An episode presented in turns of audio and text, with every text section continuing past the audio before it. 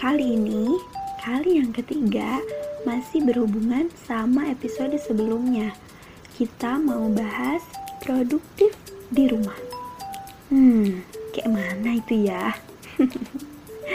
Kenapa sih ini penting dibahas? Karena ini adalah salah satu requestan sahabat aku dan mungkin ini juga sering ditanyain ke orang-orang yang menurut kamu aktif or super aktif. Bener nggak? Bener dong, karena aku juga gitu. Kadang suka greget banget sama manusia-manusia super produktif yang kayaknya tiap waktu itu sibuk banget. Tapi sibuknya dalam kegiatan yang positif Kadang suka nanya juga di dalam hati, gak capek apa ya?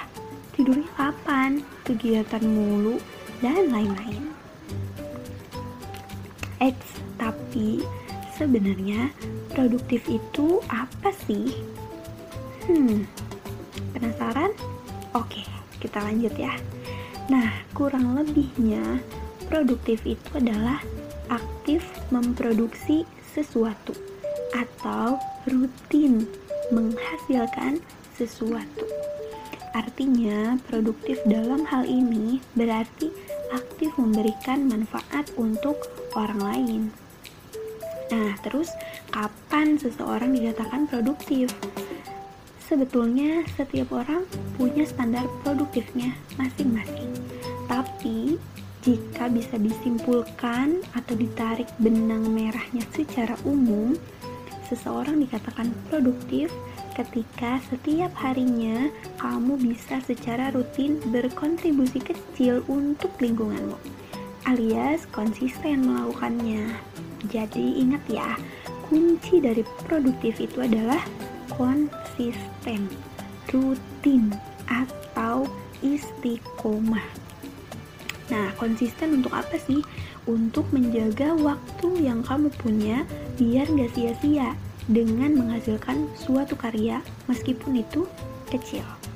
Nah, sebenarnya ada banyak hal yang bisa kita lakukan agar produktif. Produktif itu nggak melulu menghasilkan materi atau uang aja ya, tapi lebih luas dari itu. Sekedar rutin memposting kebaikan aja, itu udah bisa kok disebut produktif. Nah, Allah udah kasih kita beragam potensi yang luar biasa biar apa? Biar kita bisa produktif setiap waktu dengan memanfaatkan potensi itu. Makanya kenapa penting banget untuk mengenal potensi diri biar kita tahu jejak, karya, atau manfaat apa yang bisa kita tinggalkan di dunia ini. Rasulullah Shallallahu Alaihi Wasallam juga udah ngasih tahu kalau sebaik-baik manusia adalah yang paling bermanfaat. Nah, bahasan tentang menggali potensi, insya Allah nanti akan aku bahas di podcast yang lain.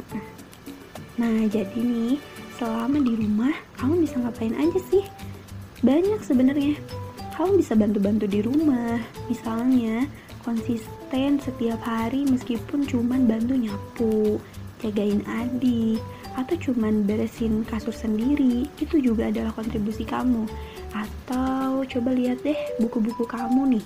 Mungkin banyak yang selama ini kamu cuekin, padahal setiap hari buku-buku itu udah nangis minta dibaca. Uh. Ya, gitulah. Padahal kamu bisa kok melakukannya konsisten setiap hari meskipun cuma satu halaman. Setidaknya, jika satu halaman itu menghabiskan waktu 5 menit untuk membaca, maka setiap hari ada 5 menit waktu yang produktif untuk membaca.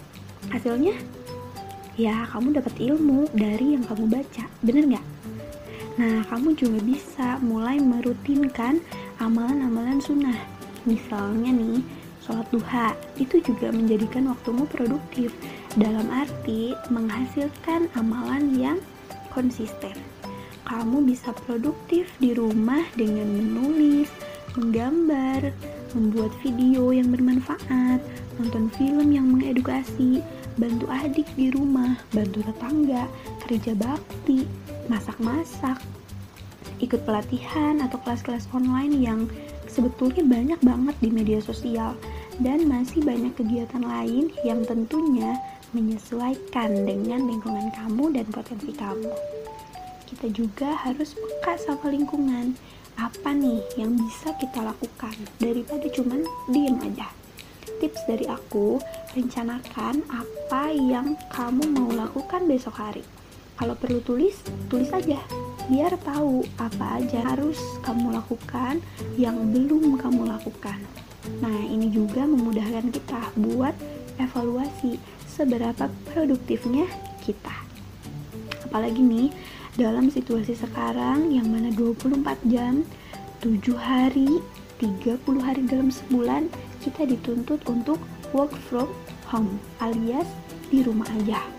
Berarti waktu kita lebih banyak dong dan kegiatan kita juga harus lebih disusun rapi karena godaan di rumah itu gede banget apalagi kalau udah digoda sama kasur and the gang ah udahlah jadi udah jelas ya gimana buat produktif di rumah mudah-mudahan sedikit obrolan kali ini bisa bermanfaat bisa dilaksanakan dan menjadi amal kebaikan amin Semangat ya teman-teman.